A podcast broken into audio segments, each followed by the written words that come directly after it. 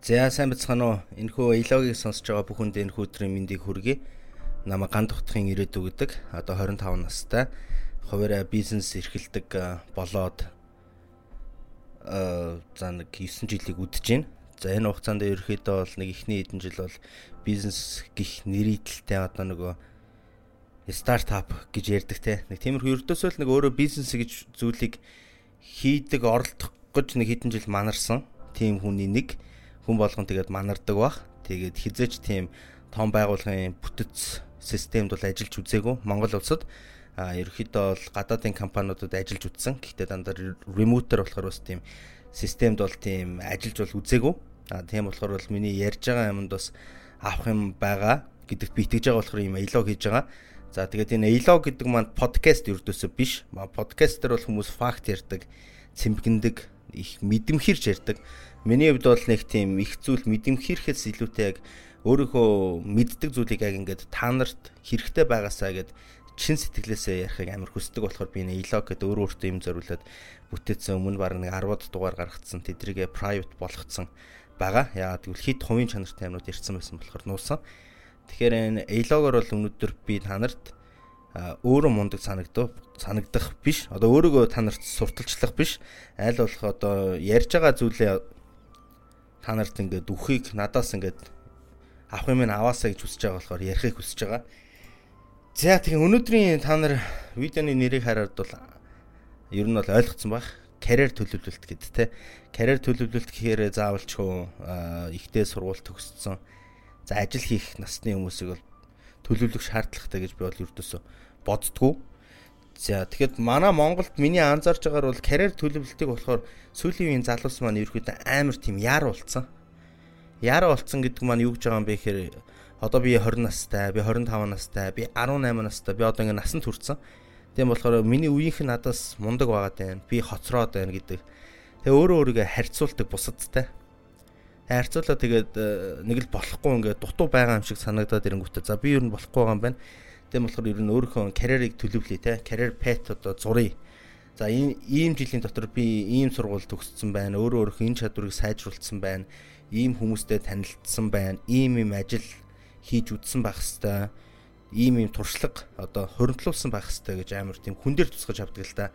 Тэгэд би бол карьер төлөвлөлтийг бол зүгээр чи анх төрсэн мөчөөсөө өөхөх хүртлээ өөрөө өөрийнхөө дуртай амьдралын хэм маяг ганц ажил биш хэм маяг сонирхол хобби одоо бүх зүйл дээр ингээд нөгөө сайжрах үйл явцыг өөрөө өөрийгөө улам төгс болгох тэр үйл явцыг карьер төлөвлөлт гэж би ойлгодог байхгүй. Тэгэхгүй болохоор ингээд карьер төлөвлөлт гэхээр л за ийм ажилд ингээ орцсон байна. Тэр үед миний цалин ийм байна. Би тэр үед ийм мөнгөтэй, ийм албан тушаалтай, ийм эрх мэдэлтэй болцсон байна гэж ботхон тийм амар өрөөсгөл байхгүй. За одоо би 25 наснда ихэд ийм ийм одоо хөгжим тоглолт сурна, ийм ийм бүжиг сурна гэдэг ч юм уу, ийм хэл сурна, ийм улсуудаар аялна гэдэг чинь өөртлөө ингээд карьер төлөвлөлт байхгүй. Одоо ингээд видео тоглоом тоглолдог бол зүгээр энэ career game-ийн гүтэл ингээд анханасаа эхэлдэг шүү дээ. Тэрнтэй адилхан. Тэгэхээр э, өнөөдрийн ярьж байгаа зүйлсээ би бол та нарт э, цэмбэгнээ зүгээр Google-ээс career төлөвлөлтийн талаар маш олон тийм артиклууд үзээд, уншаад, судлаад, бэлдээд ярих юм бол ердөөсөө тийм сүнсгүй байх болоо гэж бодоод би ерөөсөө тийм бэлдээгүй цаашдаа ер нь бэлдээ гэж ерөөсөө бодохгүй байгаа. Яа тэгэхээр угаасаа л интернет дээр байгаа юмуудыг та нар уншсан болохоор би ингээл нэг л үлэг болсон юмыг яриад хан тийм өгөөжтэй гэж бас бодохгүй байна. За тэгээд э, нэр би ингээд амар хүмүүст карьер төлөвлөлт гэдэг амар сүртэй юм ярих гад байгаа хүн чинь одоо нөгөө энэ юу хүн юм яриад байна гэд өөрийгөө сая цухас дурдуулсан. За би бол нэг тийм аа ми би бас жоо ханаа төрсэн байгаа тэгээд бас уучлаарай. Яг ингээд нэг видео өдр ингээд хийх үеийн ингээд ханаа төрөнгөт нэг тийм онгод нь орчдөг юм шиг байгаа. Гэхдээ онгод гэж байдгүй шүү. Хүн өөрөө өөрөө өөрөө өөрийгөө ямар нэгэн зүйлийг сайн хийж чадна, дуртай зүйлээ хийж явахдаа ингэж сэтгэлээ ингээд 100 зарцуулсан үеийг л ерөөд онгод идэг. Түүнээс бол ердөөс хүн одоо нөгөө миний онгод онгодоо орохыг хүлээж ингэж бол хизэж болохгүй. Хүн өөрөө өөртөө итгэсэн хийж байгаа зүйлдээ итгэсэн үедээ чармааж ажиллахыг чинь л одоо хүмүүс онгод гэдэг байгаа байхгүй. За тэгэхээр э, би одоо Mibor нэгэд компанийг үүсгэн байгуулад 2014 онд үүсгэн байгуулад одоо болтол ингээд ажиллаж байгаа. За манай компани хувьд үйл ажиллагааны хувьд бол э, Монголын хамгийн анхны онлайн learning management system буюу э, онлайн сургалтын системийг үүсгэн байгуулсан. За одоо нэг 4000 гаруй сурагчтай. За ингээд салбар бизнесүүд бол байгаа. За салбар бизнесүүд нь бол ерөөхдөө мэдээллийн технологийн бизнес бизнесүүд байгаа. Тэгэд та хэдд бол ил нээлттэй болгох боломжтой нь гэвэл keys цэгэмэр гэдэг байгаа. Би анх ингээд keys case энэ хоёрыг одоо ялгахгүй илтгэсэн keys гэхээр нөгөө төлхөөрнүүд цэгэмэр гэдэг онлайнаар gift card буюу одоо нөгөө iTunes, Netflix, App Store гэх мэтчлэн амар олон нөгөө gift card-уудыг та нарт борлуулдаг тийм үйлчлэгийг манай компани явуулдаг. За тэгээд bed цэг амар гэдэг байгаа. За тэгээд энэ энэ болохоор за энийг бол нэг ярих хэрэггүй бах энийг ярих хамаагүй. За тэгээ ерөөхдөө бол Social Bakers гэдэг компанид бол маш өндөр албан тушаалт дээр ажиллаж исэн. За энэ албан тушаалт нь яадаг вэ гэхээр зүүн Азийн маркетингийг хариуцсан тийм ажлуудыг хүлээж аваад тэгээд тэндээс батлах баг хамт олонтойгоо хуралдах тийм ажлыг хийдэг байсан. За энэ нь ерөөхдөө надад ямар туршлагыг үзүүлсэн бэ гэхээр хүн чөлөөтөө сэтгэх.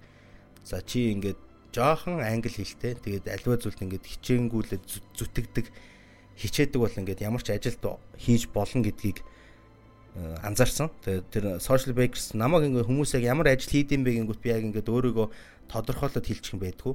Би ингээд манай онлайн сургалтын систем дээр би зөвлөх багш хийдэг гэж бас хэлэхээр хэцүү эсвэл ерөөд гадаад компанид ингээд ажилладаг тим тим гээд амар олон тим тодорхойлтууд гараад ирдэг. За тэгээд бас нэг одоогор бол нэг 7-оос 8 бизнест бол хөрөнгө оруулсан. А гэхдээ тэр бизнесүүдээ бол тийм шууд удирдлагын хэмжээнд бол байдгүй. Хөрөнгө оруулалтынхаа юм дээр байдаг.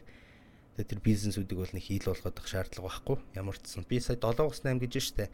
Энэ үг жаа гэхээр би одоо 8 дахь а одоо эхлүүлээд 3 жил болсон бизнесээ зарж байгаа. Тийм болохоор зарж байгаа гэдэг нь одоо зарах гад шийдэгдэн ингээ яваад хагас жилийн хугацаанд яригадаад хүлээлцэж, авалцаж өгч байгаа юмнууд гэх юм уу. Тийм болохоор 7-аас 8 гэсэн. Тэгээд та хэд ямар ч хамгийн үйлчлүүлэх дуртай тийм гой гой цэвэрхэн хөөрхөн тийм бизнесүүдийг бас маш олон тийм туршлага хоригдлуулсан байдаг монголч юу.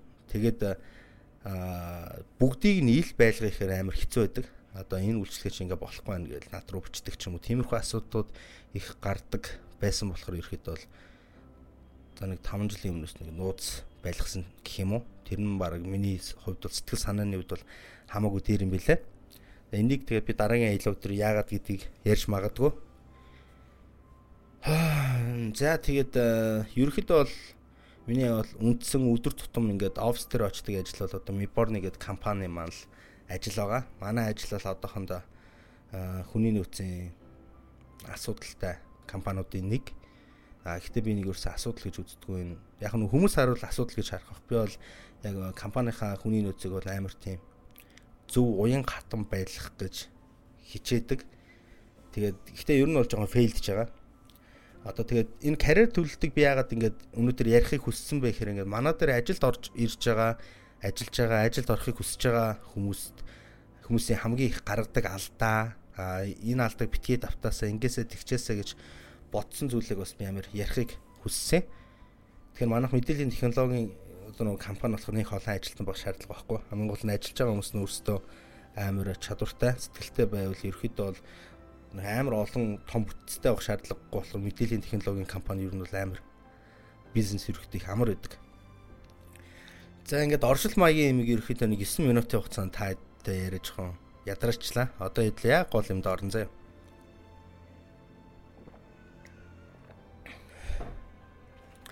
За тэгэхээр нөгөө карьер төлөвлөлт гэдгийг одоо хэдүүлээ зүгээр би бол та нарт бол сая цухас дурдсан чинь одоо хэдэн наснда ийм ийм юм сурцсан байна. Ийм ийм хоббитой болцсон байна. Ийм ийм мөрөөдөл хүсэл мөрөөдлөө хийж үзэхийг хүсдэг зүйлүүдэд хийцэн байхыг хэлсэн штэ. Тэрийг бол би нэг өнөд та нарт ярих бол шаардлага байхгүй. Энэ зүйлийг бол хүмүүс өөрөө өөрсдөө ингээд олцдог зүйлсийг хэлнэ. Тийм болохоор карьер төлөлтийг хамгийн гол нь зөвхөн ингээд ажил хийж мөнгө олдог зүйлтэй уялдуулж болохгүй шүү. Энийг би анхааруул ялч. Тэгээд өнөөдөр бол зөвхөн ердөөс нь ажилтай холбоотой энэ карьер төлөвлөлтийн хамгийн чухал зүйлсийг би та нарт ажил олгогч одоо нөгөө хүний зүгээс ингээд зөвлөхөд их амар баг.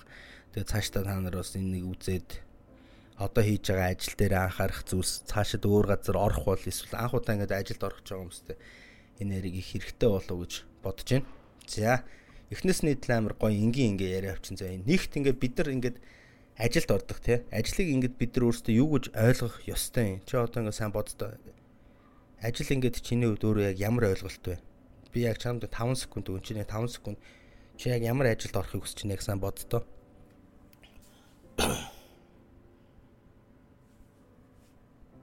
Них э, толгоонд юм орж ирэх тэгвэл тэгэл чи тэр хоёул асуудалтай л байгаа гэсэн үг байхгүй. Тэгэхээр миний нэг хэлэх дуртай үг байдгийн. Тэрний үг гэхээр энэ хорвоо дэлхий дээрх бүх ажил адилхан цалинтай, адилхан шан харамжтай бүх юм тэнцүү байсан бол чи ямар ажил хийх байсан бэ гэдэг. Мм, тэнгуут 2 3 ажил бодогдож байна уу? Тийм, тэдрийг л ерөөдөө хийх хэрэгтэй. Гэхдээ энэ ажлуудыг яг энэ хүсэж байгаа ажил чинь болохоор чиний ингээд сонирхолтой, хоббитой, амьдралын хэм маяг эсвэл хүүхэд насны мөрөөдөлтэй ч холбоотой ажил бодогдож байгаа байх гэж би бодож байна. За ийм ажлуудыг бол ерөөхдөө бол үндсэн ажиллаар сонгох бол нэг тийм хэрэг бол байхгүй гэж бодож байна. Миний хувьд ерөөхдөө бол одоо чи ингээд 2020 он одоо ингээд бүх юм ингээд даяарчлагдаад өөрчлөгдөд эхэлж штэ. Одоо юу гэдгийг 2020 онд ердөөсөө сургуулиудын бидний үдэж байгаа систем бол за 90 90 он 2000 оны хавцааны хичээлүүд байгаа шүү дээ. Одоо Монголд үдэж байгаа хичээлүүд. Энэ хичээлүүд бидэрт юу зааж ийнө вэ гэхээр 2000 онд 2010 онд чи ийм мэдлэг чадвартай байвал 2010 оны ажил хийх тийм чадвартай хүмүүст ерөөхдөө бол зааж сургаж байгаа байхгүй. Тэгэхээр энэ Монголд одоо зааж байгаа хичээлүүд бол 2020 онд ажил хийх гэж байгаа хүнд ердөөсөө тийм хангалттай хэмжээний мэдлэг туршлага тийм өөх юугүй чадамжгүй хичээлүүд байдаг байх гэж би боддог. Тэгэхээр та нарын 2020 онд өөр өөрхөн үссэн ажлыг хийхин тулд өөр өөрсдөө ингэж давхар хөгжүүлэх шаардлагатай боллоо. За тэр мэдээллүүдийг бид нар хаанаас авах ёстой юм бэ гэхээр одоо интернетэд бүх юм үнгүй шүү дээ.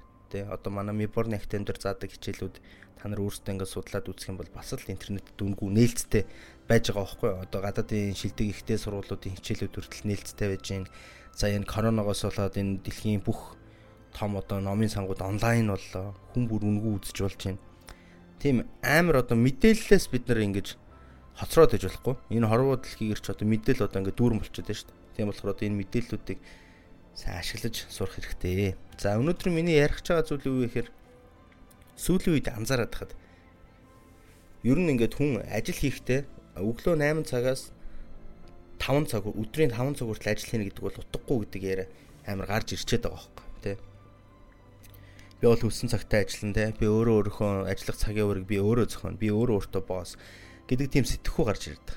Тэгэл нөгөө манай залуус чинь их хвчлээ өөрсдөө бизнес хийх гэ бүтлгүүддэг ч юм уу нэг фейлердэг ч юм уу тиймэрхүү юмнууд ирэхэд бол их гардаг. А миний хувьд хамгийн зөв сонголт юу вэ гэхээр main job буюу үндсэн ажил За энэ үндсэн ажил чинь өглөө 8 цагаас 9 цагаас ч юм уу ажиллаад оройн 5 6 цаг таардаг ингээд нөгөө хамт олонтой нөгөө ажил биш үү те.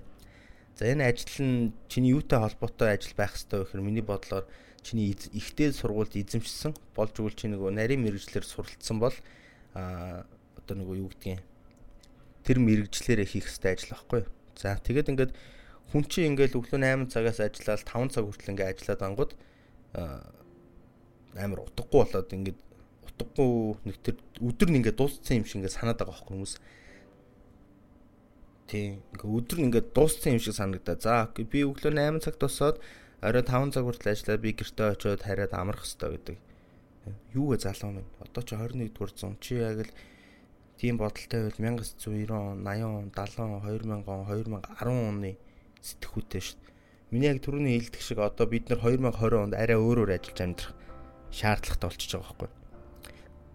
Тэр миний хэлэх гээд байгаа зүйл нь юу гэхээр чи яага хоёр ажилтай байж болохгүй гэж. А гэхдээ эхний ажил нь бол чиний нарийн мэрэгчлэр суралцсан ажил байх хэвээр. А хэрвээ чи ихтэй сургуульд төгсөөг бол окей чи заавал ч ихтэй сургуулиас төгссөн мэрэгчлэр ажиллах шаардлага байхгүй шүү дээ. Хүн болгон бас тэр мэрэгчлэр ажилтгүй. Одоо энэ 2020 онд яг мэрэгчлэр ажиллаж байгаа хүмүүс бол мэрэгчлэрээ ажиллаагүй хүмүүсээс цөөхөн байгаа. Тийм болохоор чи бас ихтэй сургууль төгсөөгүй байгаа бол тэрэндээ бас нэг гутрах шаардлага байхгүй. А гэхдээ хэрвээ боломжтой бол чи заавалчгүй ихтэй сургуульд суралцаарай. Яагаад вэ гэхээр чи ихтэй сургуулиас академик мэдлэг аавна. Академик мэдлэг авахаас илүүтэй чиний ингээд сонирхож байгаа тэр мэрэгжлэр төрлөөр суралцж байгаа хүмүүсээс тэр мэрэгжлийнхэн амар өөр олон давуу тал, онцлог, шин соргог мэдээ, хүрээллийг таньдаг болно. Энэ бол ердөөсөө хамгийн чухал зүйл. Ихтэй сургуульд нэг ангийнхан, нэг сургуулийнхан одоо нэг бүлгийнхэн гэх юм уу те тэр хүмүүсээс чи мэдээлэл авах боломжтой. Энэ ерхэд бол ихтэй сургуулаас авах боломжтой хамгийн том зүйл. Хэрвээ та нар ингээ анзаарч ивэл одоо нөгөө дэлхийн хамгийн том том баячууд ингээд сургууль төгсөөгүй те.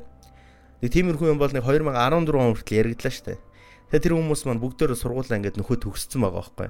Тэгээ ингээд та нар анзаарвал тэр ингээд баян болсон одоо жишээ нь би нөгөө мэдээллийн технологийн компани томчуудыг мэдээд байна л да. Тэд нар бол ихэвчлэн ихтэй сургууль дээр ихтэй сургуулаасаа найзлсан ижлэхэн мэрэгжилтэй найзуудтайгаа шинэ бизнес эхлүүлээ явсан байдаг. Тэгээ тэр нь маш амжилттай. А яагаад вэ гэхээр зүгээр байрныхаа найз, багийнхаа найзтай бизнес эхлүүлснээс хамаагүй өндөр юутай байхгүй.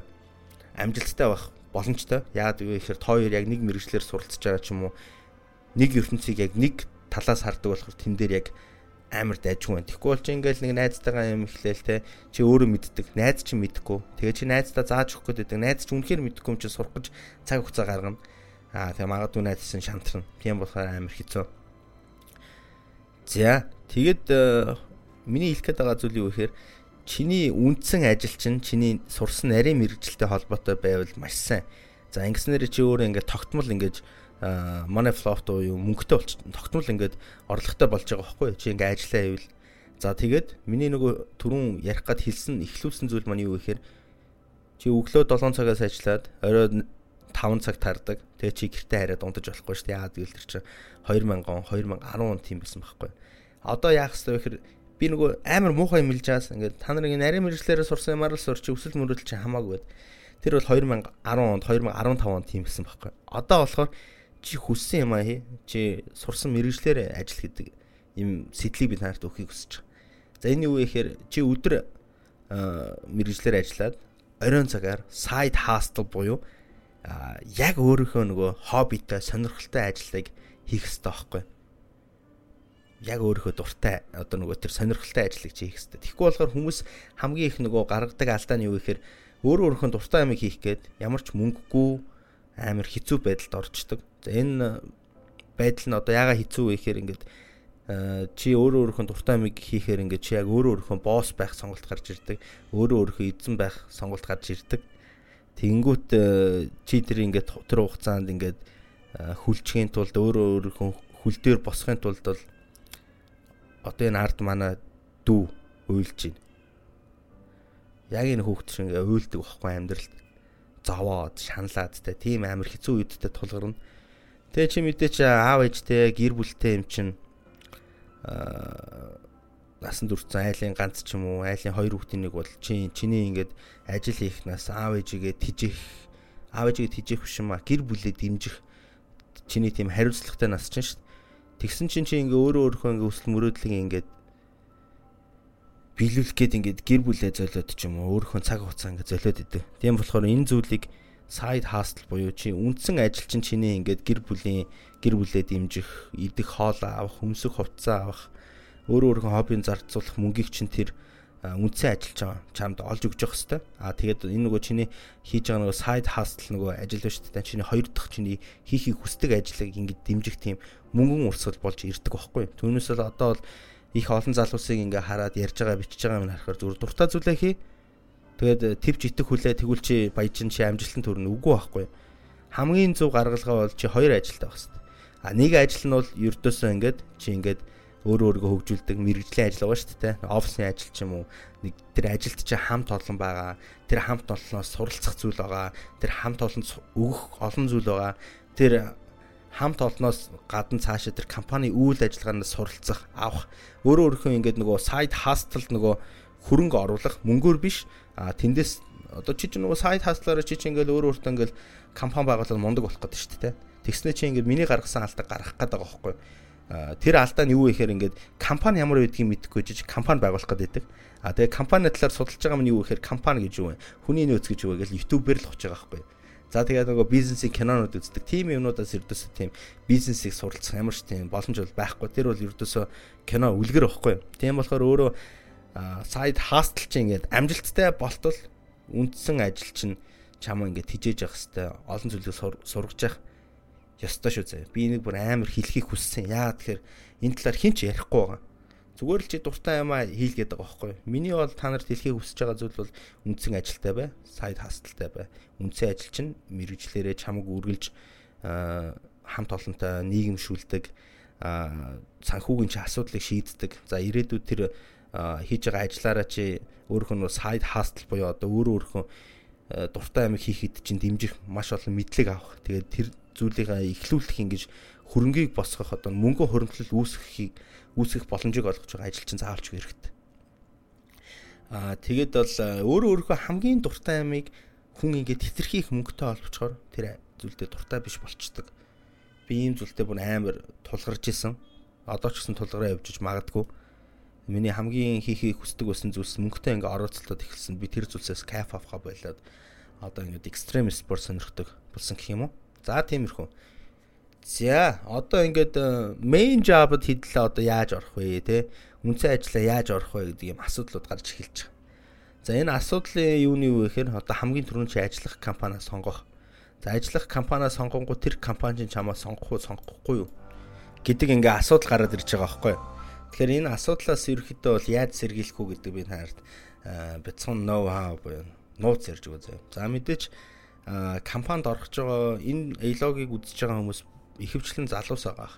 Аа тэгээд би нөгөө залуу биш хүмүүсийг бас үздэггүй гэж хэлэх гээгүй зүгээр ихэвчлэн залуус байгаа. Тийм болохоор залуус бол их олон залуустай газар орохыг хүсдэг. За тэгээд их олон залуустай газар орохыг хүсэж байгаа болохоор тэр компаниуд нь ерөөхдөө ихэвчлэн тийм залуу удирдлага, залуу компани байдаг.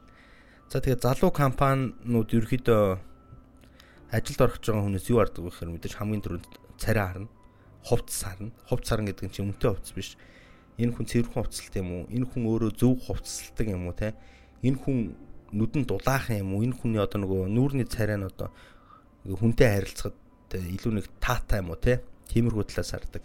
Гэхдээ тийм царайлаг байх албагүй. Зүгээр яг хүнтэй чин сэтгэлээс хайрцдаг, инээмсэглэж чаддаг тийм хүмүүст хүн яагаад ингэж яагаад ч юм юу гэдгийг татагддаг, таалагддаг. За тэгээ нэг л их царайлаг хөөхөн ингээл охид залуус ороод ирдэг. Толгой нь хоосон байдаг. Тэгэхээр э, тэр толгой хоосон бол тэгээ хичнээн хөөхөн гоё уцалдаг мэдрэмжтэй харизматайгаад явах шаардлага байхгүй. Хичнээн ингээ яриа мэрэ те нэг тийм хүмүүс байдаг шүү дээ. Зүгээр хинтээ ч яриад ингээд өөр өөргөө ойлгуулцдаг тийм хүмүүс байдаг. Тэд нар бас ихтэй тийм ажилд орох магадлал ер нь их бага байдгийн. А чадваргүй бол. За тэгэхээр э, за мэдээч эхлээ чи байгууллагад очиод анкет бүглэнэ. За би ингээд өөрөө өөрийнхөө ноу хавыг компани дээр гаргадаг юм а ерөөхдөө карьер төлөвлөлтөд би ярихыг амар хүсэж байна. Аа тэг манай өмнө ажиллаж исэн хүмүүс ч гэсэн бас үзээд бас аа ингэсэн юм байна тэгсэн юм байна гэдээс ойлгож магадгүй. За тэгэхээр ингээд э, манад ажилд орохыг хүсэж байгаа хүмүүсийг би бол э, аль болох э, нэг 97 оноос хойшоо буюу арай нэг залуу 98 99 байхын амар хүсдэг. Гэхдээ энэ бол амар тийм маш том асуудалтай одоо ер нь жоохон тийм шантарсан байдалтай байгаа. Одоогийн хувьд яагаад вэ гэхээр одоо ингээд 97 98 гэдэг чинь яг л одоо нэг 22 23 та хүүхдүүд. Би ч одоо өөрөө 25 та. Тэгэхдээ багасаа л том том хүмүүстэй харьцараад яг 95 94 оны манай үеийнгийн залуус хүүхдүүд ирэхдээ надад бол их тийм жоохон санагддаг байхгүй. Тэгээд амар онцгой мэлцсэн. Тэгээ ингээд манайх бол ингээд анкет бүглүүлдэг. Тэгээ би ерөөхдөө бол ажилтаа байхдаа бол би яг өөрөө хайдаг байхгүй өөрөө ингээд зараа тавиад ийм юм шаардлагатай, ийм юм шаардлага ингээд хангасан байх хэрэгтэй гэдэг. Тэгээ нөгөө CV-нүүдээ над руу мэйлээр явуулаар ч юм уу. Гэтэ мэйлээр ерөөхдөө бол юм явуулаад хүмүүс бол тэрийг уншдаггүй. Тэгээ мэйлээр ингээд явуулангууд хүмүүс мэйл дээр нөгөө subject бичих юм дээр зөв нөгөө гарчих штэ мэйл. Тэн дээр мангар бол юм биччихдэг. Тэгээ доор нь баг юм байхгүй. Тэгээд тэр мэйлийг яаж үчих хэвээр вэ гэхээр сайн байна уу те график дизайнераар ч юм хүний нөөцөөр ажилд орох хүсэлтэй байна гэдэг тиймэрхүү subject буюу гарчигтай хэлгээгээд. Доор нь одоо те энэ ажилд ингээд ягаа орох орохыг сонирхсан ягаа энэ ажлыг хиймээр байгаа гэдэг зүйлээ товч бичээд. Тэ өөрөө нөгөө юун дээр юу бичих хэрэгтэй байхгүй нөгөө CV буюу resume одоо өөрийгөө ингээд бичдэг шнэ ингээд нөгөө файлаар өөрөө өөрийгөө танилцуулдаг хаана юм боловсрал эзэмшсэн өмнө хаана ажиллаж исэн ямар хүсэл мөрөөдөлтэй ер нь ямар ямар чадвартай гэд бичсэн тиймэрхүү юмнуудыг хардаг. А гэхдээ ерөөхдөө бол тиймэрхүү одоо та нарын ингээд хүмүүс бэлдэг 30 минут цаг бэлдээд хараад уншингууд ингээд э, нэг 2 5 минут унших гээд байгаа зүйлийг ерөөхдөө бол ажилтан тэ хамт ажиллах хүнээ авчаа хүнийг харж байгаа ерөөхдөө хүний нөөцүүд бол 10-аас 30 секунд хардаг байхгүй хамгийн түрүүнд харж байгаа юм бол загвар За одоо ингээд миний хамгийн дургүй юм юу гэхээр одоо нөгөө CV-гийн илгээхдээ нөгөө вебсайтуудын нөгөө темплейтүүд загварууд өгдөг шүү дээ. Ингээд яг нөгөө толгой молгоо бүгдээр адилхан. Тиймэрхүү CV байвал би бол шууд ерөөсөө тэрийг уншихгүй тэгээ за за ямар сонирхолтой хүн байсан гэд гаргаа хайчтیں۔ Тэгээд ердөөсөө CV-н дээрээ зураг байхгүй их алдаа гардаг. Тэгээд ямар бас царайтай хүн ажилд орох гэдэг гэдэг чинь бас амар чухал шүү дээ. Ингээд хүнийг бас анхных нь царайгаар харна шүү дээ. Яа тэгэхээр би ямар тэр хүнийг шууд хараад тэр сэтгэл зүрхийн туршлагыг мэдгүй хамгийн дөрөв царай гарч. Тийм болохоор тэн дээр бас зураг авах шаардлагатай. Тэгээ маш цэвэрхэн загвартай, маш тодорхой байх хэрэгтэй. Түүнээс бол ердөөсөө аа юу гэдгийг амар олон юм заваар бол бичээд авах шаардлага байхгүй. Угаасаа дэрэг чинь чам дээр чиний CV чинь таалагдаад би ч юм уу манайх ингээд ажлын ярилцлага ингээд авахыг хүсвэл чамд ингээд анкет бүглүүлж байгаа болохоор энэ олон хүнээс чи юугаараа ялгарч чадах юм бэ гэдэг зүйлэл тэр CV дээр над руу манайх руу чинь илгээх хэрэгтэй байхгүй тэгжиж хүний сэтгэл татна. За тэгээд ингээд манад ажилд орох гээд ирж байгаа хүмүүс дээр анкет дээр юу гэдэг вэ гэхээр тэр хүний нэр нас, боловсрол сургууль, гэрийн хүмүүс юу идэх вэ? Тиймэрхүү мэдээлүүд их хардаг. Тэн дээр бол ерөөд бол миний хамгийн их хардаг зүйл юу вэ гэхээр за нөгөө таныг хүсэж үз цалин гэдэг байхгүй. Тэгээ тэр хүсчүү цайландаа манай залуус хит доогуур цайлан тавина зэ. Нэг бол а эсвэл хит өндөр цайлан тавина. Тэн дээр бол тэр тэн дээр байгаа зүйлийг баг э, өөр газар сим юм дээр бол бичих шаардлага өрдөөсөө байхгүй. Тэр бол өрдөөсөө хамгийн анхны сэтгэлдлийг чамаа ямар хүн бэ гэдгийг тодорхойлцдог болохоор тиймэрхүү юмтай тааралд бол битгий хвчээрээ заяа. Тэгээд э, тэр ч бол ерөөхдөө та нарыг унгаж байгаа зайлахгүй. Тэгээд компаниуд э, ажилтнууд чи нэг яагаад бөглөөгөө гингүүд хамгийн гой хариулт бол би зүгээр ороод одоо нөгөө юу гэдэг л дээ манай залуус орж ирээд та нар л намайг үнэлэх байлгүй те. Тэ хин чи яг өмнөдөө хинч биш байгаа ш тэр үн чинь Тэгээд нэг бол том том юм ярьж байгаагаар авдаг. Үүдд юм аа тий. Тэгээ ажил дээр ингээд гараад зүгээр нэг альбан бичиг бичүүлдэг. Ярилцлагандаа тент тэнцээгүй шүү заяа. Зүгээр ингээд анкетын бүглүүлчээ тэн дээр чи ингээд бичгийн хэвийг харж байгаа байхгүй. Тэгээ манайх дээр бас IQ-гийн асуултууд өгдөг. 10 асуулт. Тэн дээр бас хэр хариулж जैन тэрийг харна. Аа тэгээ тэрний дараа нэг алдан бичиг хөтлөлт харна. Зөв бичиж гин үү, буруу бичиж гин үү, хэр зэгцтэй бичиж гин. Тиймэрхүү алдаануудыг харна. За тэгээд ажлын ярилцлаганд эрэхтэй ямар хувцастай ирсэн байна. За энэ ажлын ярилцлагыг ерөөхдөө хэр serious хэр одоо ноцтой хүлээж авч ийн тэрийг бас харна. хэр сандарж байгааг харна. Аль болох нэг чүж сандралтай ярилцлаганд ордог штэ. Тийм ярилцлаганд орох тэр сандрал бол чамд давуу талыг авчирна ажилд орох жахт. Яагаад вэ гэхээр энэ хүн одоо нөгөө ярилцлага хийж байгаа хүнд маш их таалагддаг байхгүй миний хувьд. А энэ хүн сандарж штэ те. Энэ хүний хувьд энэ ярилцлага тийм амар чухал юм байна штэ гэдэг тийм амар тийм гой сэтгэлийг бол надад төрүүлдэг. Түүнээс зүгээр ингээл нацгаараа л ингээл тэгэл хүлмүлээ ачаал гараа ингээл суучдаг. Ачаад нэг X-лээд суучдаг ч хүмүүс тэгэд сууж бол ердөөсө болохгүй. Аа яагаад ингээд би нэг хувцсыг ингэж анхаарч хилээд байна вэ гэхээр чиний тэр хувцас чинь за би энэ хүнийг ажилд авчвал манай ажил дээр энэ хүн ийм байдалтай байх юм гэдэг мессежийг хамгийн түрүүнд өгдөг байхгүй. Тэгэхээр чиний хувцлалт бол маш цэвэрхэн байх хэрэгтэй тэгээд шууд дүүрэх хэрэгтэй. За энэ хүн манай ажилд ороод ирвэл ингээ өнгө нэмэх нэ ч юм уу те. Их гоё харагдах нэ, их бидэнтэй их нийлэх нэ гэдэг тийм мессеж өгдөг. За тэгээд эмгтээчүүдийг ингээл харуулвал нүүр будалд харна. За ямар эмэг зүүсэн байна. За тэгээд миний ерөөхдөө хамгийн их асуудаг асуулт бол хэр шоуддаг л гэдэг юм. Шоуддаг бол сайн, шоуддгүй бол бүр сайн гэх юм ч сайн шин. Зүгээр нэг бас юм юм бүхнийхээ ингээд балансыг бас барьдаг байгаасаа гэж үздэг. Найз нөхөдтэйгээ хэр уулздаг тэ одоо чи ингээд найз нөхдөсөө ямар зав давуу талыг хардггүй чи ямар найзууд чи юу гэж дүгндэг гих мэтчил маш олон асуултыг асууна. За тэгээд ингээд э, хариултын би танарт хэлчихвэл болохгүй ш нам намайг найрах ган ярилцлаганд ингээд энэ ингээд юм байл ийм таалагдсан юм байл тэгээд ярьчих магадгүй. Тэгээд за окей. Ингээд ярилцлагын тэнцлээ. Ярилцлагын тэнцээд ингээд оронгууд би яг ийм юм бичүүлдэг байхгүй. За окей, туршилтын хугацаа манайх чинь 3 сар байдгийн. 3 сар жинхлэгдэхгүй гэсэн байхгүй. Одоо ихтэй 6 сар болгож байгаа. За 3 сарын хугацаанд бол хүн бас нэг тийм бүтэн танигдаж чаддгүй юм. Гэхдээ бас 3 сарын хугацаанд маш бага цалин гарч инхлэгдэх гээд өөр өөрийгөө батлах гад би энэ компанид хэрэгтэй шүү те. Би байхгүй бол энэ компани бол бас одоо би байвал нэг арай нэг илүү байна гэдэг тэр мэдээллийг өдөртөг албан тушаалтан дээр компанид бидрүүлэх 3 сарын хугацаа. За тэгэл нэг ажлын өдөртөг нэг хэд хоног нэг 63 хоног л гэсэн үг шүү дээ. За тэгээд ажилд орохоос өмнө бол миний хамгийн бичүүлэх хийх хүсдэг тэр хүмүүст байлгахыг хүсдэг зүйл нь юу гэхээр өргөдөл хвчүүлнэ. Мэдээж бүх газар өргөдөл хвчүүлнэ. Энэ газар яга ажилд орж байгаа ингээд бичүүлнэ. Бичгийн цаасан дээр. За тэгээд тэр бол тэр хүний хувьд бол чухал. За ажилд авж байгаа ажил олгож байгаа бидний хувьд чухал байхгүй. Яагаад гэвэл тэр бол тийм амар том чухал момент байхгүй. Хийнийх нь хувьд үсэж байгаа. Хин энд ингэж амлалт өгж байгаа зүйл байхгүй. Би энд ажиллавал ингэнэ гэдэг Тэгээ ингээд дараад нь тэр хүн ажлаас гараа явахт нь одоо нөгөө ажиллах ажиллахаа одоо нөгөө болох сонирхолтой байж шүү дээ. Одоо энэ ажлаас гарах сонирхолтой үед нь тэр өргөдлийн үзүүлдэг байхгүй юу? А тэр хүний чадах гад чадах гад ч юм уу те чи анх ингэж орж ирсэн шүү дээ. Чи энийг уншиж чинь үг гэж хэлэхтэй биш. Чи анх ийм бодолтой энэ компанид орж ирсэн те. Одоо чи ямар бодолтой байна? Окей, чи энэ бодолтойгоо яг ажиллаж чадсан уу те? чиний энэ бодол чинь хэр өөрчлөгдөв? Чиний одоо энд ороод өөрөө өөртөө өөрчлөлт хийн, чи энэ компанид ороод ийм ийм өөрчлөлт хийн гэсэн байж та гэдэг амлалтыг ингээд тэр хүнд үзүүлэх амар миний өв чухал байдаг. Ажлаас гарч байгаа тохиолдолд яагаад вэ гэхээр ингээд тэр хүн ингээд бодох хэрэгтэй байхгүй. Хүн заавалчгүй ингээд нэг компанид ажиллаж байгаад тэр ингээд компаниас гардаг те. Гараад тэр хүн ингээд холбоо тасрах мэдгүй би л тийм соёл бол мэдгүй. Тэгээд заавалчгүй тэр хүн ажлаас гарч байгаа гэсэн тэр хүнд ингээд ажил олгож байгаа хүмүүс нь бас тийм амар анхаарал халамж тавих амар дуртай.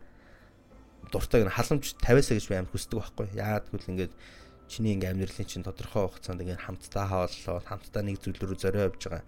Тэр хүний ингээд авах зүйлийг нь өөрт нийлээд тэ чи ийм юм юм хийсэн шүү тэ ингэсэн шүү тэгсэн шүү чи ийм юм энд байх хугацаанд ингээ хийцэн шүү гэдэг зүйлийг тэр хүнд амар хэлж явах хэвээр тэгжиж тэр хүн урамшин а би энэ газар чинь ийм юм хийсэн юм ба штэ би энэ газар чинь бас те ийм үр дүнтэй байсан юм ба штэ гэдэг тэр мессежийг хүмүүст бол ажил олгогч нар заавалч хөгжих хэвээр а түүнээс бол одоо ингээ жоохон ажлаас ингээ гинт гараад ажлыг алдаад явчихгууд өөст чи өстө хүүгийн байсан те ийм байсан тийм хандлагатай л ердөөсөө байж болохгүй би бол тэг аль болох эрэг байхыг хүсдэг за тэгэд ерөөхдөө ажил олгогч талаас ингээ харж байхад ерөөд бол би бол манах бол одоо нөгөө жинхлэгтэйг хугацааны цалинг бол маш бага тавьдаг юм. Маш бага. За нэг 500-аас 700 мянга хооронд тавьдаг аахгүй сарын. Тэгээд нэг өдрийн хоолны хоол унааны нэг 5000 төгрөгтэй. Эрс өдрийн хоол ундаа ингээм хамтаа идээд унаа ингээ явчихна. Тэр за нэг нийгмийн даатгал эдэр түлэн тэгээд за нэг 6 500 мянгаар ярьсан бол 625 байг. За тэгээд нийгмийн даатгалтайгаа эдэн дөрөв авт юм бол та ерөөд их бага авдаг юм. Тэгээд Тэгээ 3 сарын хугацаа дуусаад жинхлэгдэн те. Тэгээ жинхлэгдэх хугацаанд тэр хүн маань өөрөө суралцах хэвээр. Суралцаад мундаг болох хэвээр. Тэгээ мундаг болох хугацаанд хүмүүс залуусан ингээд миний анзаараад байгаа хамгийн их алдчихж байгаа зүйл нь юу вэ гэхээр 3 сар дуусаад тэр хүн маань 3 сар гүрэж байгаа цалингаа нэмэгт хийх хүлээдэг. За тэгээ нөгөө цалин ингээд нэмэгдэхдээ ингээд бодсон шиг нэмэгддэг. Манайх чинь за нэг 25 бас нэг 50% нэмдэг баг. Тэгээд э, тэн дээр ингээд сэтгэл сэтгэлээр унцдаг байхгүй. Ингээд цалин маань ингээд бодсон шиг баг нэм их өндөр болсонгүй болсонгүй гэдэг. Тэр бол ердөөсөө юу байхгүй. Чи 3 сарын хугацаанд чи ийм л үнцэнтэй хүн юм байна гэдгийг надад мэдрүүлсэн те хамт олондоо ингээд мэдрүүлсэн байна гэдэг үнэлэмж.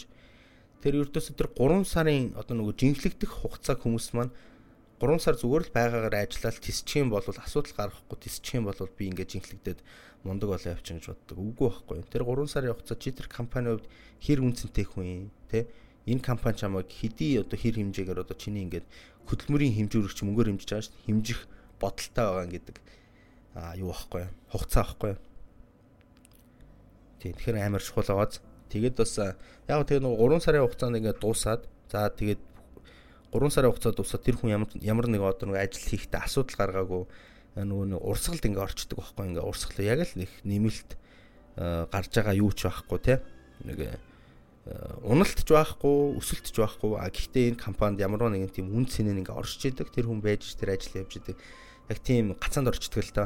Тэгээд тэр гацаанд оронгууд ажил олгогч миний талаас бол би аль тэгж боддог байхгүй окей. За энэ хүн бол ингээ 3 сарын хугацаанд бол ийм байла. Тодорхой өсөлт байсангүй. А гэхдээ хүн жинхлэгдэх хэвээр. Манай ингээд жинхлэгдэх цалин ингээд одоо байгаа цалингаас нэг 700 мянга 800 мянга за нэг сая болдог ч юм уу те. Окей энэ цалин бол гэхдээ миний хувьд би бол бас энэ бодоход ингээд бас маш өндөр цалин ингээд тавихад бол манай компанид асуудал байдаг байхгүй. Тэг ингээд яг ингээд миний ингээд би одоо танарт хэлсэн шүү дээ. Одоо жинзигээс жоохон хэцүү байна те. 97 98 23 22 хүрж байгаа хүмүүс ингээд цалинжуулахад амар хэцүү байдаг. Тэгэд ихэвчлэн тэр хүмүүсийн нэг анхны ажил хийж байгаа компани эсвэл хоёр дахь компани гэдэг байхгүй доктортай. Тэнгүүт ингээд анханасаа ингээд би өндөр цалингийн ингээ өндөр тавиад оо иймхэн ажил хийгээд ийм өндөр цалин авч болт юм байна гэдэг тийм мессежийг өгчих юм бол надад тийм амар буруу санагддаг. Тийм болохоор ерөөд бол цалингийн бодлого төр бол амар хатуу тэр хүмүүсийг ботсон тийм сонголтыг хийдэг.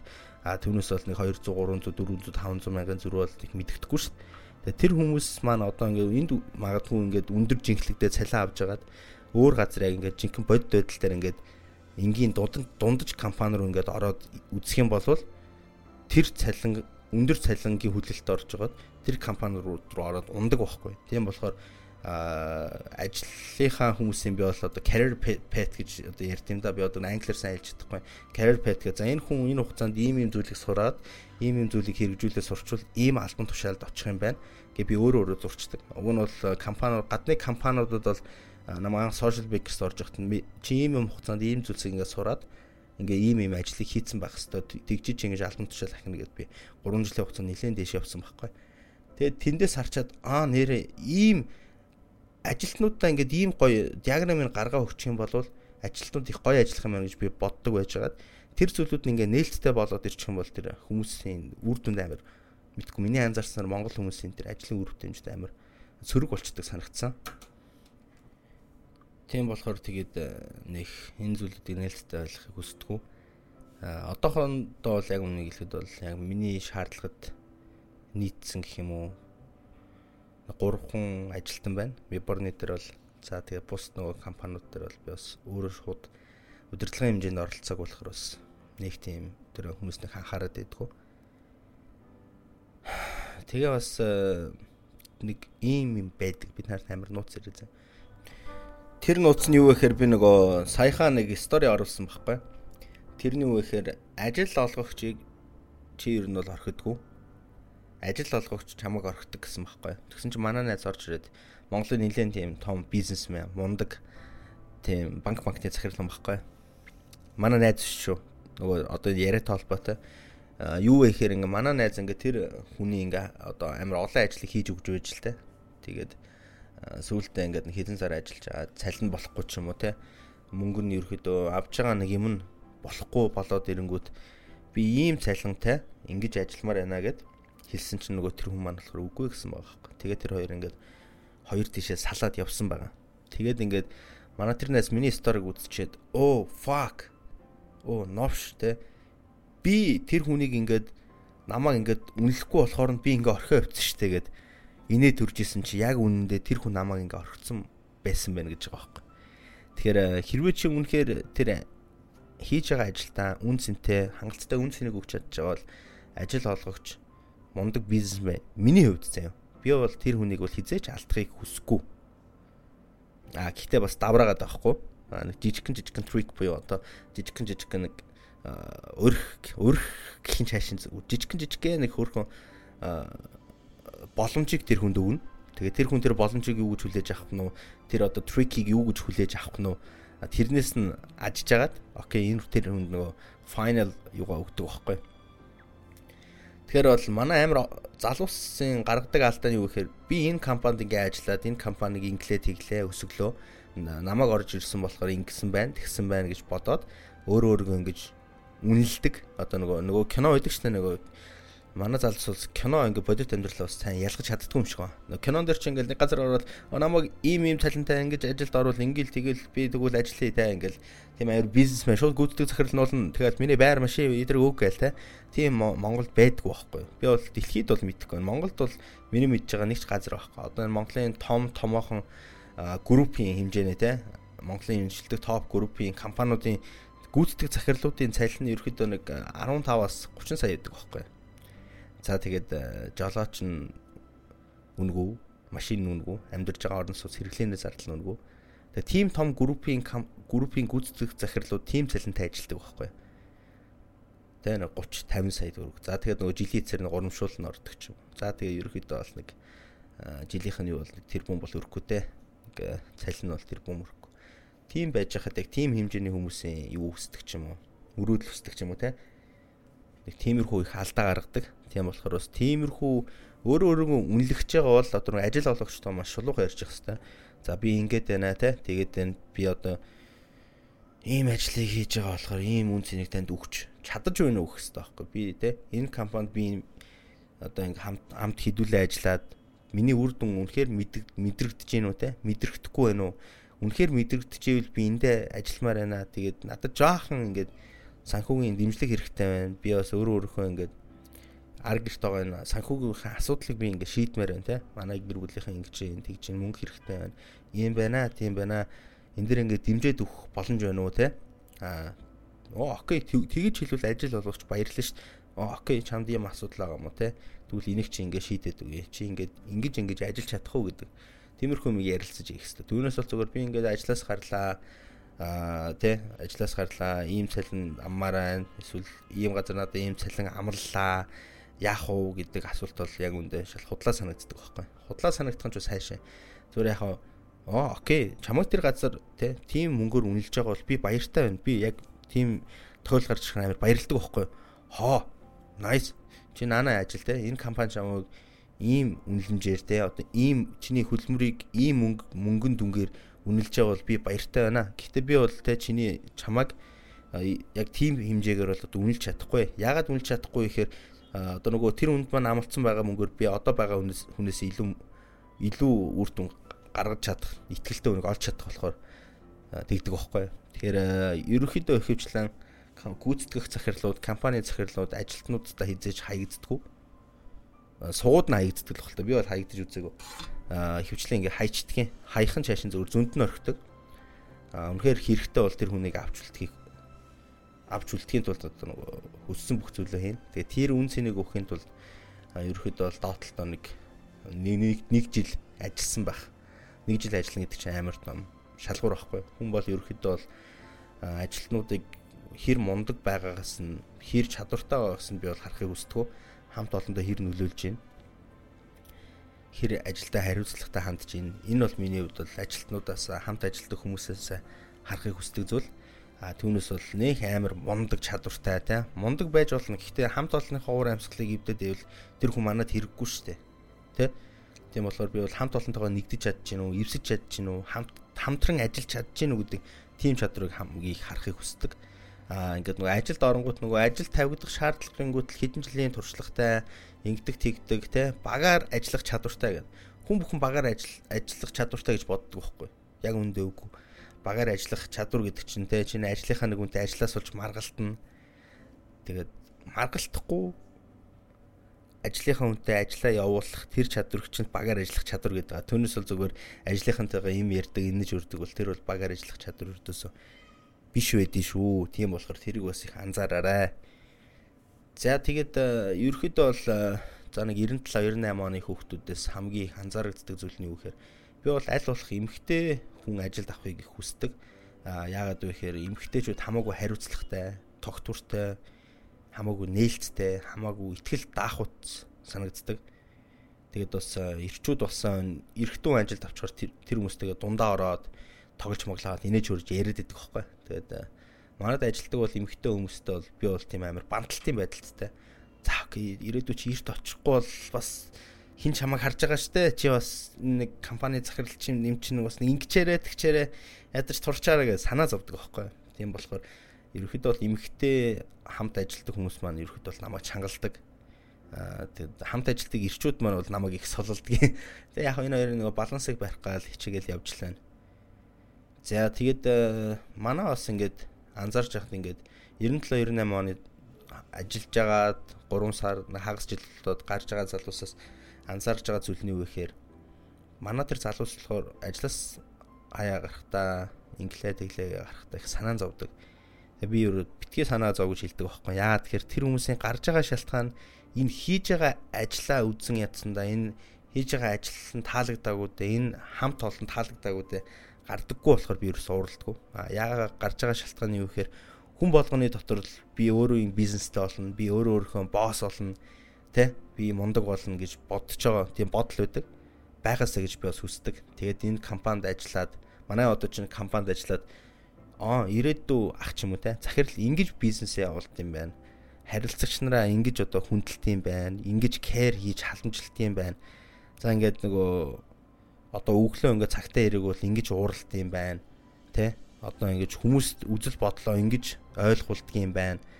Тэ? Одоо ингээд хэрэглэгч нараа хайрлт юм байна. Гэхдээ хэрэглэгч нарын ажилтнан хамт ажиллаж байгаа рүү нь уурлаад ёс бус авирлуул ингэж ууралж өмөрдөг юм байна гэх. Тиймэрхүү ингээ жижигхэн жижигхэн зүйлийг ингээ аваад хараад тэрийг ингээ хараад оо бизнес ингэж хийд юм байна гэж ойлгоо гардаг байхгүй авах юм аваад гэхдээ бизнес хийн гэдэг чинь ингээд хэдэн сар хамт байгаад нэг хагас жил байгаад нэг жил байгаад сурдаг хүнээс сурах тийм боломжгүй зүйл байхгүй. Эний чард амар олон тийм бодлогоны юмнууд явж яадаг тэгэд манай гарч байгаа сүулт гарсан нэг хагас жил ажилласан манай хосоо гэдэг нэг мундаг цэцэл байдэ тэгээд тэр залуу маань ингээд ажиллаж байгаад өөрөө ингээд бас юм хийх сонирхолтой. Тэгээ угаасаа анх орж ирж байхдаа би ийм юм ингэж хийнэ те. Би энэ хугацаанд ингэж ажиллаж байгаа ийм юм сураад өөрөө хуваараа ингэж ийм юм эхлүүлнэ гэд ярьжсэн. Тэгээ яг л тэргээрээ өөр зүйл рүү ингээд өөрийнхөө юм хийхийг хүссэн. Тэгээ би бол тэнд нь бол амар баяртай хүлээж авч байгаа байхгүй. Яагаад тэгэхээр тэр хүн угаасаа л хашин 30 гарчаад би 30 40 50 гарчаад би бизнес хийх гэж тэ хийж болно л доо. Гэхдээ зүгээр ингээд залуудаа хийгээд үзэх чинь өөрөө тийм амар тийм том гоё зүйл. Тэгээ ингээд 97 98 оны залуус хамгийн эрсдэлтэй зүйл нь юу вэ гэхээр өөрөө өөрийнхөө юм хийж үзээгүй, фейлдж үзээгүй, эсвэл юм хийж үзээгүй болохоор өөрөө өөрийнхөө юм ингэж хийж үзэх гээд ажлаас гарах төр завсардах тийм тохиолдлууд байдаг. А энэ бол гэхдээ миний өнцгөөс харахад бол хамаагүй зөв, тэдний зөв сонголт гэж би ойлгодог. Тийм болохоор ерөөд бол тиймэрхүү юм дэмждэг. Түүнээс бол а энэ ингээ юм аваа сураа гарчлаа марчлаа ч юм уу те тиймэрхүү юм бол ердөөс боддгоо а тэгээд бас миний нэг амир манахаас ингээ ажлаас гараад халагдаад ч юм уу өөрөө ингээ төсөл дээрээ гараад ч юм уу. Тийм хүмүүс маань ерөөхдөө бол ингээ хажаад хахад хаач тийм дуртай газар бараг ажил орчдөг. Тэгээ хамаагүй өндөр цалинтай. Тэнд нь би амир баяртай байдаг байхгүй. Надаас илүү энэ хүмүүсийг маань хүмүүс үнэлж чинь. Тэгэхээр бас энэ хүмүүс маань ийм чадвартай болчихоо гэдээ би бас баярлалаа. Тэгээд хамгийн гоё юм нь юу гэхээр ингээд нөгөө Instagram дээр бид нар бүгдөө Facebook дээр найзууд. Instagram дээр бас би follow ингээ хийж байгаа шүү дээ. Тэгээ ингээ тэр хэдийнхэн story зураг үзсэн. Бид нар бас хоорондоо ингээд ярилцсан те. Өө ийм байна, тийм байна. Ингээ тэгээ идлээ кино үзээгээд бид нар бас хаяа уулздаг байхгүй хэдийн нэг ажиллахаа болцсон ч гэсэн. Энэ бол одоо ингээд бас нэг тийм нэг гэр бүлийн нэг тийм бас гоё мэдрэмж бидний дунд ингээ үүсцэн байдаг. Тэгээ бас манай охтууд бас ингээд яаж орж ин ажиллаж байгаа гарсан хүмүүс шүү дээ. Манай бүсгүүчүүд захирлаа, захирлаа тий ингээ гадуур явж байгаа захирлаа, захирлаа гэд. Тэгээд яг тэр хүндлэлийг а тэр мэдрэх нь гоё. А би бол зүгээр тийм захирлаа гэж дуудулж байгаа да тийм гоё бол биш шүү дээ. Зүгээр ингээд тэр хүн ажлаас гарсан ч гэсэн окей ингээд нэг гэр бүл би юунтэйг ингээд буцаад эргэх эргэх холбоо ингээд би энийг э, одоо юу гэдгээ бодох харах нөгөө юм хിവэр ингээд амар эрг тал руугаа байна гэдэг нь өөрөө хамгийн тийм гоё байгаа юу. Жаахан хоолоос ингэрчихлаа. Тийм тэгээ би ямарч нэг тийм сайн өдөртөг жоохыг хүсдэг. А гэхдээ бас амар хэцүү байдлаа маа нөгөө анх ингэж орж ирээд удаагийн ууж байгаа өндөр сайлан хүмүүс хүлээхээр тэр өндөр сайлангаар өгчвөл надад бол мөнгө оомч. Гэхдээ тэр хүмүүсийг ингээд нөгөө жинзээ гэдэг байгаа тэр залуус анханаас ингээд өндөр цайлаа өгөөд муудан сарвчвал би амар муу гэж боддог болохоор яадгүй тэгээд тэгэхээр та нар тэгээд ойлгож байгаа л гэдэг карьер төлөлт бол аа гэж. Тэр нөгөө ажилд одоо энэ карьер төлөлтөөр би бол ярихыг хүссэн зүйлний үхээр ажилд орохдоо анхаарах зүйл удирдлага ажилтаа хоорондын харилцаа ямар ах хэвээр яаж эрүүл байлгах уу миний хувьд ерөөхдөө юуг чухалчилж үздэг үү те. Тэр зүйлүүдийг би бас их ярихыг хүссэн Аа тэгээд үндсэн ажилтаа байгаарай. Үндсэн ажил чинь чиний ингээд санхүүгийн асуудлыг шийддэг, сайд хаслыг чинь дэмждэг ажил байгаасай. Сайд хасл чинь чиний хобби тэ холбоотой дур сонирхол амьдралын юм гэдэг чинь холбоотой тийм ажил бизнес байгаасай гэж би амар хүссэн. Аа тэгээд нөгөө хамгийн ядуу хүн бол өөрийнхөө орлогоос давсан зардалтай хүн. Тэгэхээр source of income буюу одоо мөнгө олох нөгөө сувгууд 2020 онд амар их болцсон шаардаад байна. Одоо жишээ нь э, хүмүүс зөвхөн сайт хастл боёо өөрөө өөрийнхөө дуртай сонирхолтой дотор л мөнгө олох гэдэг бол ганцхан мөнгөний урсгалтай болохоор 2020 оны одоо юмнууд үнэтэй болж байгаа шинэ утас ч юм уу тийм ээ. Одоо амар их мөнгө шаарддаг одоо энэ нийгэмд чинь амар олон мөнгөний урсгалтай авах хэрэгтэй доктортой. Тэр амар чухал шүү тэгэхэд карьер төлөвлөлт гэдэг бол ердөөсөө чи өөрөө өөрийнхөө өсөн мөрөөдсөн болох өөрөө өөрийгөө төгс болгох өөрөө өөрийгөө мундаг болгох тэр үйл явцыг хэлж байгаа. Түүнээс бол миний хувьд хэдэн жилийн дараа би энд байна гэдэг. Тэр бол карьер төлөвлөлт бол биш аахгүй. Ямар ч сан ажилд орох гэж байгаа хүмүүс бол манад биш энэ тэнд ажилд орох гэж байгаа хүмүүс ямар ч сан тэр ажилдаа чин сэтгэлээсээ хандж байгаарай. Би нөгөө дандаа нөгөө ажилдаа манах нөгөө чин сэтгэлээс ханддаг болохоор нэг тийм гадны өөр найз найзхан компани дээр офс мовс дээр очихоор ингээ харангуут ингээд найз хамнаас дургуур өгдөг байхгүй. Нэг албаар ажилтсан юм шиг тэгээ тэр газар харах их дургу. Тэгээд миний ерөөхдөө бол офс дээр хэрэгжүүлэхийг хэрэгжүүлдэг зүйлсний үхээр зүгээр цэвэрч байдлыг амар хүсдэг. Цэвэрч. Манай офс офсыг хэрвээ та нар анзаарвал нөө Facebook руу ордог ч юм уу миний Instagram Facebook руу ороод үзээрэй зэ манай ажлын зураг би өдөр болгон бараг ажил дээр стори хийдэг. Манайх маш цэвэрхэн өдөр болгон цэвэрлэгээ яадаг. Ер нь их гоё тийм эко орчин байдаг. Тэгээ хүн өөрөө тэр цэвэр цэмцгэр байдлаас хүн ингээд ажил ажиллахтаа өөртөл тийм амар гоё урам зоригтой байдаг болохоор бас та нар ямар нэгэн газар ажилдаг бол те одоо нөгөө 5S гэж байдаг нэг солонгос солонгос нэ Японы хэрэгжүүлдэг 5S гэд 5S гэд тэрийг бас судлаа үзээрэй. Тэрний үе инхээр цэвэрхэн байх хэвээр бүх юм инпут зэгцтэй байх хэвээр авсан бол тэнд буцаага тавьдаг ч юм уу. Тиймэрхүү үзлийг хэлж байгаа. За тэгээд ямар ч сан аа би нэрээс яг гол чухал юм мартах чинь. Нөгөө манад ингээд ороод нөгөө манай залуус мань ажиллаж байгаа аваа юм сураад юм ойлгодог болоод өөрөө өөрсдөө юмнуудыг ихлүүлж байгаа дээ. Тэгээд э, би нэг жоохон муухай юм хэлчихв. Би ингээд амар бизнес, мундаг бизнес хийхин тулд би ингээд сүүлийн үед амар тийм dark force awaken те би нэг харанхуй хүч намайг автаад байгаа байхгүй. Энэ юу гэхээр чи мундаг бизнес хийхин тулд чи нэг бол баян байх хэвээр, баян гэр бүлээс гаралтай байх хэвээр. Аа эсвэл Үнэхээр genius авах хэвээр. Үнэхээр гоц авах хэвээр.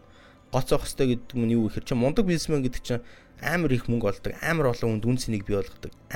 Чиний хийж байгаа зүйл чинь амар олон хүний асуудлыг шийддэг, амар олон хүний мөрөөдөл хүсдэг биелүүлдэг зүйлийг хэлээд нь шүү дээ. Тэр их чинь л мундаг бизнес гэдэг байгаа байхгүй.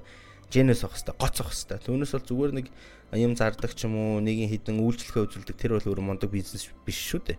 Мундаг бизнесмен болохын тулд genius буюу гоц авах хэвээр. Гоц хүн гэдэг маань мангар ухаалаг хүнийг хилээгүй шүү би. Зүгээр маш тууштай, хизээч бууж өгдөггүй, өөрөө өөрийнхөө хүсэл мөрөөдлийн төлөө тэмцдэг хүнийг л би гоц гэж байгаа. Түүнээс л ухаантай гараа мөнгө олдог бэлсбэл бизнес биш үү. Тийм болохоор үргэлж тууштайгаараа. Тэгээд миний энэ илогийг 52 минут 53 минут үтсэн та нарт бүгдэнд нь баярлалаа. Тэгээд өдрөө сайхан өнгөрүүлээрэ дараагийн илог дээр ямар сэдвээр ярил та нар зүгээр байна ус ярилцаанаа. Миний ярьсан зүйлээс бас авах зүйл байгаа, хаях зүйл их байгаа. Сэтгэлээ гоё хуваалцаарай.